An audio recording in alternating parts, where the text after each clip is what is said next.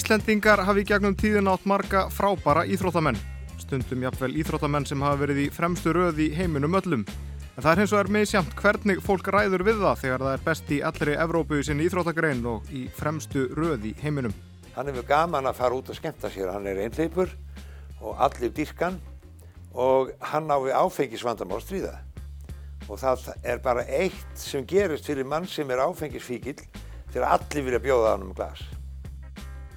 Svona talaði Ómar Ragnarsson um einn merkasta og sigursælasta íþróttamann íslenskrar íþróttasögu, mann sem var nýjórðin Evrópumeistari í kúluvarpi.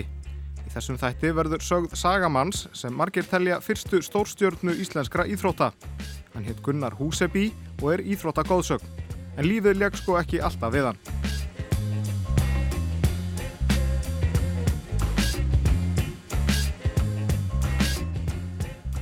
Húsebí hljómar ekkert voðalega íslenskt. Þó var Gunnar Alexander Húsebí Íslendingur í húð og hár. Hann fættist við Kárastíg í Reykjavík 4. november árið 1923. Móður hans, Helga Bogadóttir frá Littlategi á Akranesi, bjóði þannig aðstæður að hún taldi sig ekki geta alið upp barn. Fadir Gunnars var líklega Sigurður Sýversen Sigursson, annálaður kvennabósi, sem var sagður hafa átt fimm börn með jafnmörgum konum áður en að lokk skipti sig.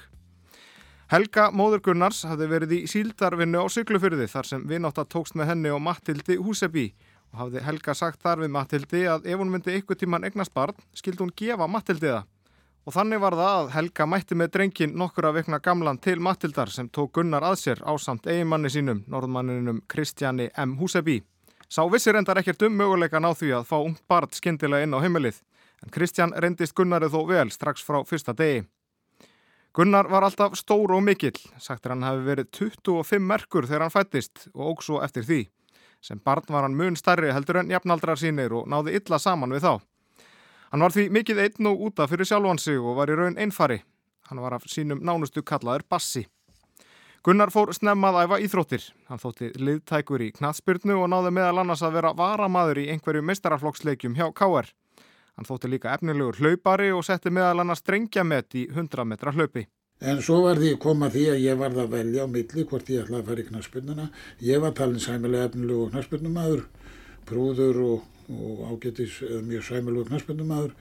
En svo tók ég þá ákvörðun að fara að hætta knaspurnunu og fara út í frálsar.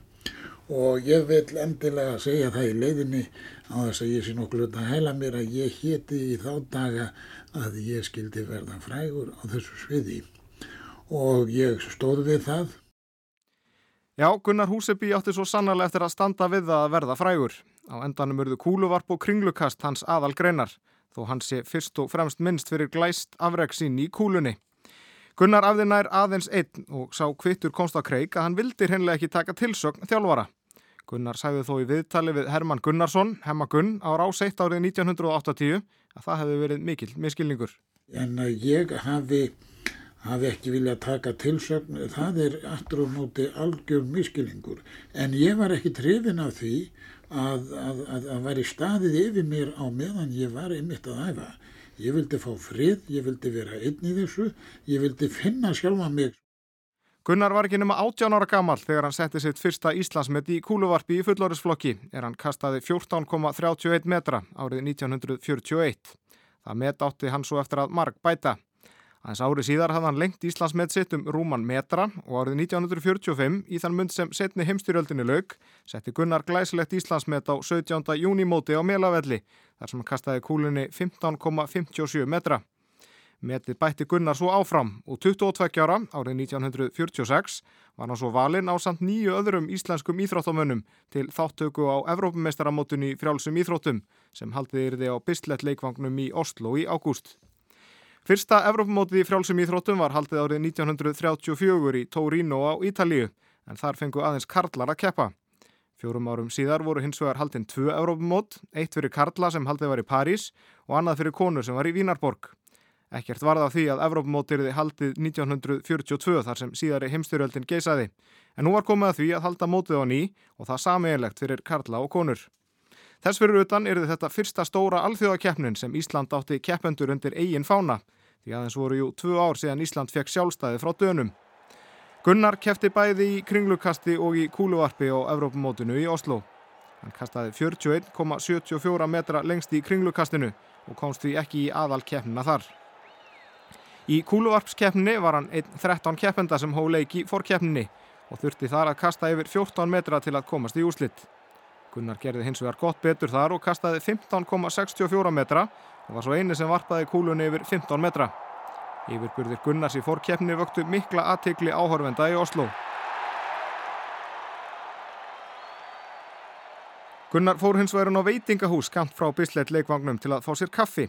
Fljótlega eftir að Gunnar var sestur inn á veitingastæðin fylltist hann af fólki sem hópaðist í kringum húsabí og vildi fá einhandar áriðanir frá honum. Svo fjölmend varð á veitingastæðinum að eigandin sá sér ekki annað fært en að loka staðnum.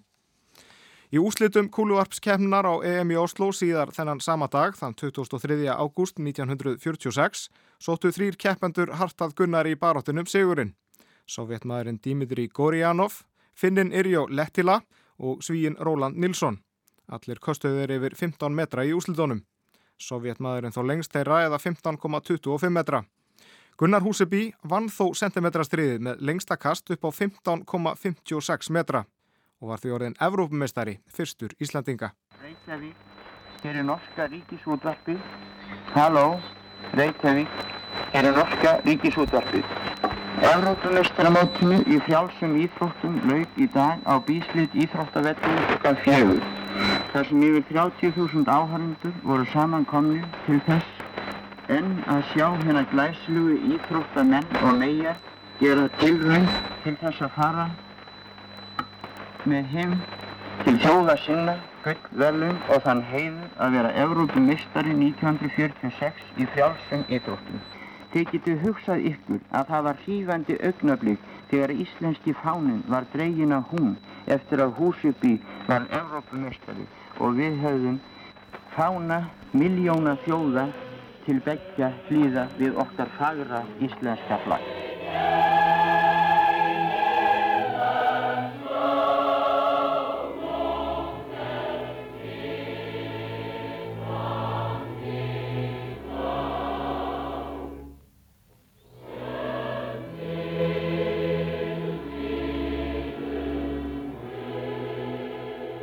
Þarna heyrðu við brotur fréttaskeiti Ríkisútvarpsins sem sendt var við slæm skilirði á stuttbylgju frá Oslo í mótslokk 25. ágúst 1946. Fréttaskeiti er það eina sem varðvest hefur frá mótunu í sapni útvarps, en þó kemur ekki fram nafn fréttamannsins. Ekki nómið það að Gunnar verið orðin Evrópumestari þarna, heldur átti hann þriðja besta árangurinn í kúluvarpi í heiminum árið 1946. En Gunnar Húseby varð við þennan Evrópusegur stór stjarn á Íslandi eins og Ómar Ragnarsson lýsir hér.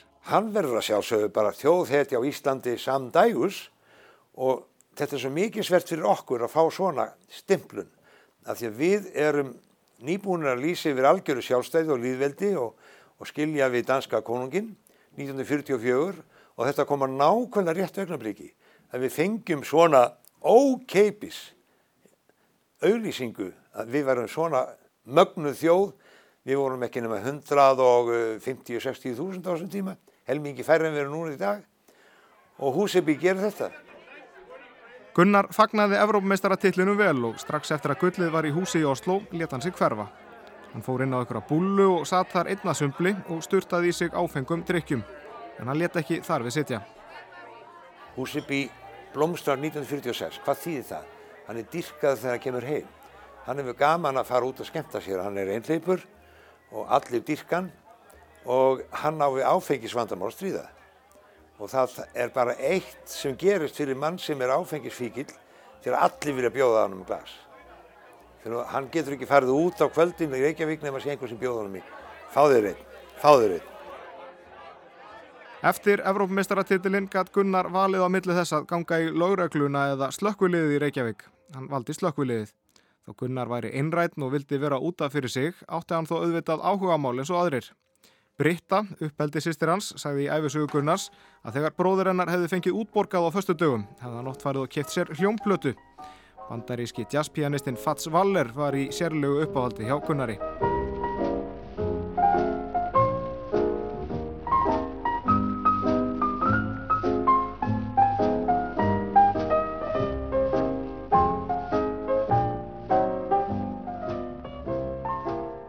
Gunnar þótti líka lungin skákmaður og hafði indi af því að tefla. En eftir tvö ári í starfi hjá slökkuliðinu var þann að hætta þar sem áfengisneislan hafði náð tökum á honum. Gunnar drakk oft og drakk illa. Og þar sem hann var orðin þjóðþektur var fylst grant með öllum fyllir í um Gunnars og allir áttu sínar sugur á honum. Þetta var svo lítið samfélag þá, og faði minn var nú mjög svona, hafði gaman að ég fara út á lífið um helgar sko. Þannig að maður fekk allar fréttitar á húsibí og vesinni með hann. Pappi keirir leigubílur Reykjavík á þessum tíma með Steindóri og þekkti náttúrulega Gunnar því pappi var að þjálfa hýr og, og stundu þegar Gunnar var á fyllir í um og átti ekki pening og kom hann á stöð og beigð eftir að pappi kem inn og fekk þú farið með honum heim og pappi lána hann fyrir túrnum en pappi sagði að það hefði aldrei klikkað að þegar Gunnar var orðin þurr og komin í vinnu þá kom hann alltaf að borga í túrin hann myndi alveg hvaða túr hann hefði farið og fengi, fengi, fengi lánaða og allt svoleiði sko. Þegar Húseby drakk sem verst fór hann líka alveg í ræsið. Eitt sinn þegar káringar ætluði að reyna honum og draga hann á flót aftur fannst Gunnar á Arnarhóli, frægasta rónastað bæjarins. Menn sem hafa kafað vel ofan í æfi Gunnars telja að óstjórnleg fimmni hafi verið hluti ástæðunar að hann drakk. En hann hefði svo bara ekkit ráðið við drikkjuna. Hún átti líka eftir að hafa mikil áhrif á keppnisferil Húsebís. Í tímanum þann 28. februar 1948 var fjallaðum undirbúning Íslands fyrir ólimpíuleikana í Lundunum síðar það ár. Í breska blaðinu World Sports, þar sem skýrt er frá þáttöku ímsra þjóða í ólimpíuleikunum að sumri, er sagt að Íslendingar muni senda 25 íþróttamenn til ólimpíuleikana. 20 þeirra eiga að taka þátt í frjálsum íþróttum en 5 í sundi. Ennfermur er sagt að Ísland hafi tilkynnt þáttökun sína í knaspirnu aukina fyrrnemdi íþróttagrina. Í sama blaði er skýrtur á því að Gunnar Húsebí sé besti frjálsýþjóðstamaður okkar en sagt að vafa samt sé með þáttöku hans í ólimpíuleikunum. Gunnar virtist nefnilega eiga í sérlega erfiðri glímu við Bakkus þetta ár. Í frétt Alþýðublasins 1. júni 1948 af frjálsýþjóðstamóti K.R. var fjárvera Gunnars tíundu sérstaklega. Gunnar Húsebí var skráður meðal þáttakenda en mætti ekki til leiks. Mótonum átti eftir að fjölga sumarið 1948 sem Gunnar misti af og munaði minna um fjárveru hans í landskeppni við norðmenn þá um sumarið. Gunnar Húsebí sem átti að taka þátt í kúluvarpunu af hálfu Íslendinga mætti ekki til leiks. I proclaim open the Olympic Games of London celebrating as the 14th Olympiad of the modern era. 20 Íslendingar mættu til leiks á olimpíuleikana í London 1948, þar af 12 frjálsýðuróttamenn, en engin Gunnar Húsebí. Árangur Íslendingarna var fremur lélugur og byggust flesti við meiru af þeim. En engin getur annars sagt en að drengirnir og stúrkurnar hafi gert sitt besta. Heima satt Evrópumestarin Gunnar Húsebí og hafði hann eftir vil geta krekt í eitt eða tvö stig í kúluvarpi og hefði með því geta skipað Íslendingum bekk með betri þjóðum heims. Því að mikill meiriluti þeirra 59 þjóða sem þarna leiða sama garpa sína hafa engin stig hlotið. Þrýr bandarækjaman rauðuðu sér á verðlunapall kúluvarpskeppninar á olimpíuleikonum í London. Sigur kastið var upp á 17,12 metra en lengsta kast bronsverðlunahafans var upp á 16,42 metra.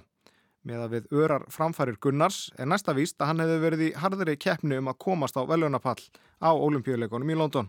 Maður veit ekki hvað hefði gerst hjá Gunnar í 48. Ég meina, kúluvarpar, bestu kúluvarpar heimsins sem alltaf komur úr Európu og svo bandaríkjónum. Menn hann vinnur 46 og vinnur 50 Európinstrabóti. Hvað hefði gerst 48 í London? En hann var bara ekki í standi til að keppa þá, hann kefti ekkit 48. En ferill Gunnars Húseby var þó ekki á enda. Hún tókst að þurka sig upp með hjálp káeringa og byrjaði svo að æfa aftur af miklu móð og kom sterkari tilbaka en nokkur sinni fyrr. Árið 1949 fór hann svo utan til keppni á Norðurlöndum þar sem hann bætti Íslandsmet sitt nánast í hverju kasti. Gunnar varpaði kúlunni 16,41 metra í haugasundi þetta ár og stórbætti ekki aðeins Íslandsmet sitt um 49 cm, heldur líka Norðurlandamet Svíjans Rólands Nílsen sem var 16,24 metrar. Þetta nýja Norðurlandamet Gunnars var aðeins einum centimetra stittra en bronskast Jim Fuchs á olimpíuleikonum árið áður. Þá er hér ás komið sjálfur Norðurlandametafinn Gunnar Húsibí. Kondi sæl Húsibí og velkomin heim og ég áskaði til hamingi með þennan ágætt árangur. Skæðir. Þú kemur heim á Sigraður, ekki svo? Jú, jú. Hvað bættir þau oft eh, gamla metið þitt í þessari ferð? fjóru sinnum. Og manstu hvar það var? Það var í Oslo, í Síin og Róland og Haugasund. Haugasund síðast, þetta er 1641 var ekki. Jó, Hvernig nú er, er, er ímislega framönda hjá þér, hvernig segir þau hugurinn þessa keppni við Ameríkumennina? Já, það var náttúrulega, það var hart. Hardi kalla náttúrulega og stóður miklu þessu. Já, en þú, þú reynir náttúrulega Ég reyna að gera mitt besta náttúrulega eins og vera byrr. Já, þakka þér nú kjærlega fyrir bíð. Já, Við erum reiknir af þér, þú er staðið með slíkum ágætum, lesaður. næstu blessaður. Þarna heyrðu við viðtal Sigurðar Sigurssonar við Húsebí 1949 þar sem Íslands með Gunnars var til umræðu sem á keppni milli úrvalsliðs Norðurlanda á móti úrvalsliði Bandaríkjana sem var þá framöndan. En nú var Gunnar Húsebí heldur betur komin aftur tilbaka, sterkari en nokkur sinni fyrr.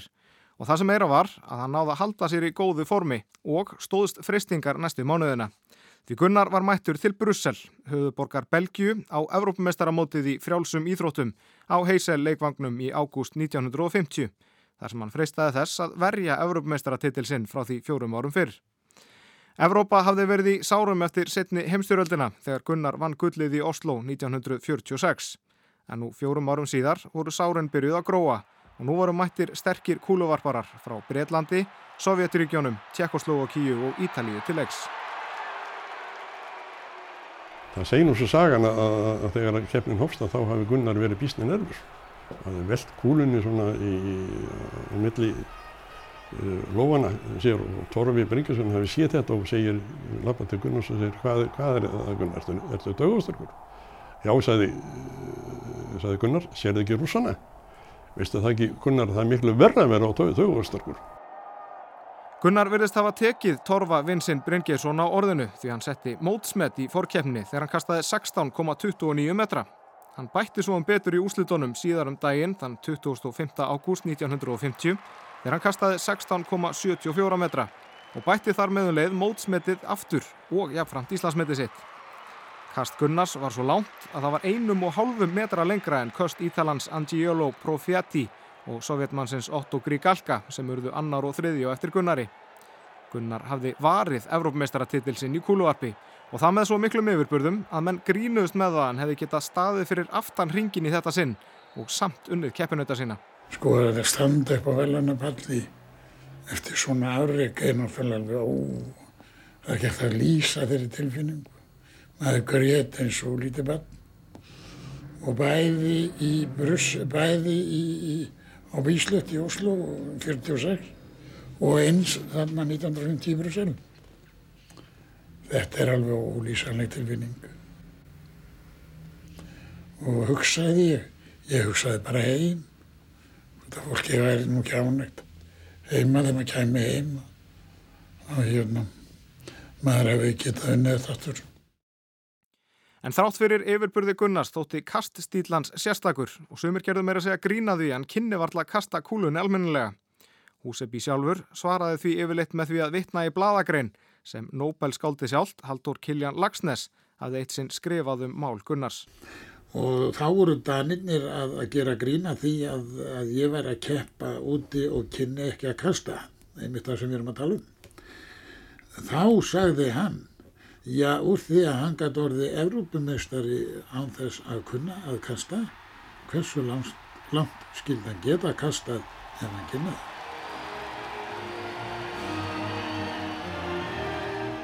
Hafi Íslendingar verið stoltir eftir þennan Sigur Gunnars í Oslo 1946 var þjóðarstoltið ekki minna eftir Evrópumótið í Brussel því Torfi Bryngersson var þar líka Evrópumestari í langstökki og Örd Klausen vann til silfurverluna í tugþraut.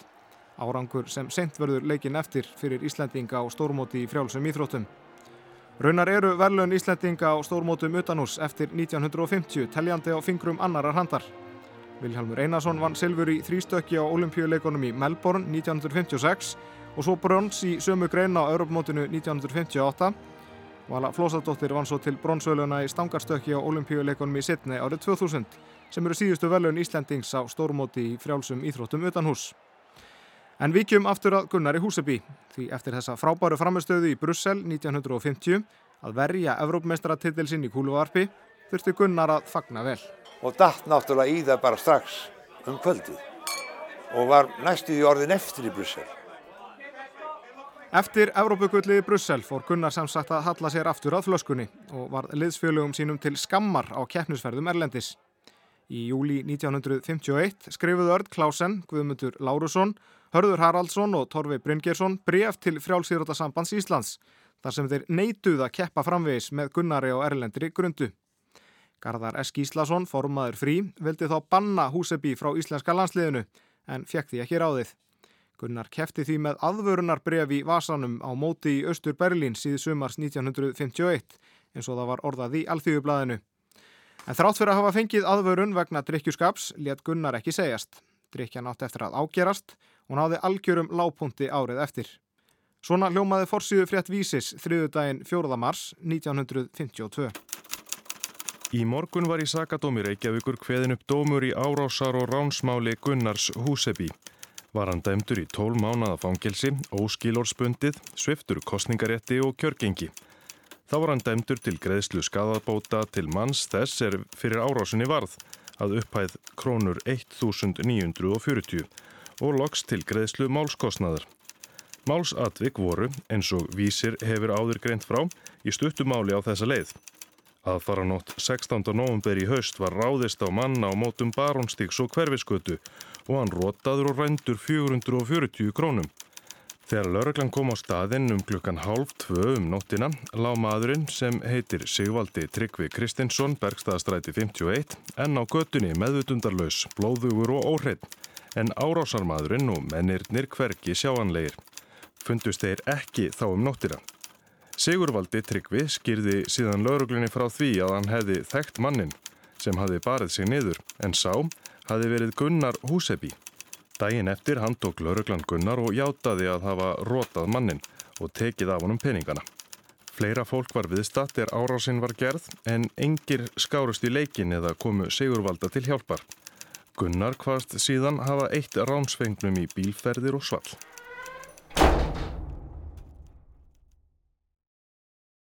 Gunnar satt fangelsistómin af sér á Littlarhönni en þar hóf hann að æfa kúluarp og kringlukast af mikilli festu og reglusemi að því er forstjóri Littlarhönns staðfesti í baksíðugrein tímans í júni 1952. En fangelsisvistin var þins vegar til þess að Gunnar misti aftur af olimpíuleikum og kefti því ekki á olimpíuleikunum í Helsingi 1952. Gunnar Húsebi kefti því aldrei á olimpíuleikum þrátt fyrir að hafa haft alla burðið til þess að berjast um sæti á velunapalli bæði í London 1948 og í Helsinki 1952. Keppnisferðli Gunnars var þó ekki lokið. Hann held sér áfram í fremsturöð þó svo að mistaratillar á stórmótum Erlendis yrði ekki fleiri. Hann kefti ekki á EM 1954 og gæti því ekki varið Evrópugulli sitt þar, en var hins vegar með á EM í síðasta sinn árið 1958 í Stokkólmi. Hann er enn að kasta yfir, yfir 15 metra, 58 sko og ég las það einhver staðar að Hann er keftar, hann er ekki komist í úslið, hann hefði haft fólki með sér, hann þótti svona skemmtilegu keppnismæður. Gunnar lagði ekki kúlun á hilluna fyrir nárið 1962 eftir 25 ára keppnisveril. En þrátt fyrir öll Íslandsmetin og Íslandsmeistaratillana, bæði í kringlukasti og í kúluarpi, þrátt fyrir glæsilega Evrópmeistaratilla í tvígang í kúluarpi, átti Gunnar Húsebí þó enn eftir að vinna sinn stærsta sigur. Þann sigur vann Gunnar upp úr 1970. Síðan fór hann sjálfur. Það fór ekki meðferð, það setti tapan í flöskuna, einn og óstuttur nema hann var mjög trúaður, sótti sér æðri styrk. Og eftir það vann Húsibi hljótt og göfug starfi það að hjálpa öðrum, hældi sér aldrei af því og var ekkert, hann var bara hóverðinn og hann margbætti fyrir þetta börn sem hann hafði orðið að stríða við á þeim tíma þegar engi gætt farið í meðferð eða neitt menn voru bara að glýma við þetta einir og sér. Það, það var ekki til neinn svo tækni sem að hefði hugsanlega geta snúið húsið bí strax 1947 og 8 og gert hana ennþá meiri afræksmanni heldur hann þó nokkuð tíma var. Gunnar starfaði lengst af hjá Vassveitu Reykjavíkur eftir að íþróttaferlinum er laug, mikið til dæmis við að mála bruna hana. Hann lagði svo mikinn metnað og orku í það að leiðbeina öðrum í AA-samtökunum, en þar var þann ötull hópstjóri. Gunnar vann mikið og gott starfi í AA-reyfingunni og reyndist þar mörgum vel. Gunnar bjóðum tíma með Rósu Þórðardóttur en þau slit og endanum samvistum. Þau auknuðist engin börn saman. Eftir setni heimstyrjöldina þegar Hermanna brakkar losnuð á Camp Knox í Vesturbænum bjó Gunnar þar um tíma.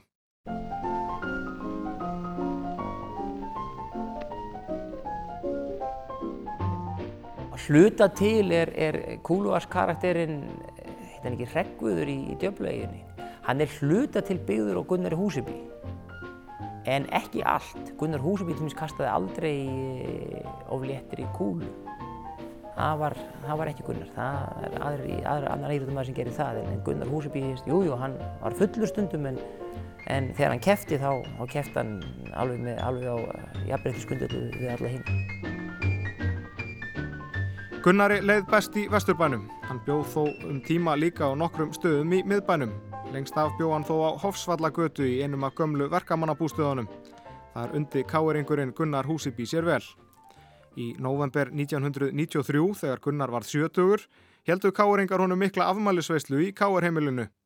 Innfarinn Gunnar sagði þar að þetta hefði verið í fyrsta sinn sem haldið væri upp á afmæliðans og þótt honum mikið til þess koma. Í afmælisveislunni rætti Bjarni Felixson íþróttafréttamaður, Bjarni Fel, við Gunnar. Þegar þú vannst Evrumestartitlinni í Brussel þá kastaður kúlunni 1674. Þessi árangur myndi ekki þykja mikill í dag en með breytri tækni og öllum framförum, hvað er þessi árangur á mælakvarða nútímas? Ég geti trúið að það væri svona 22-23. 22-23 metrar.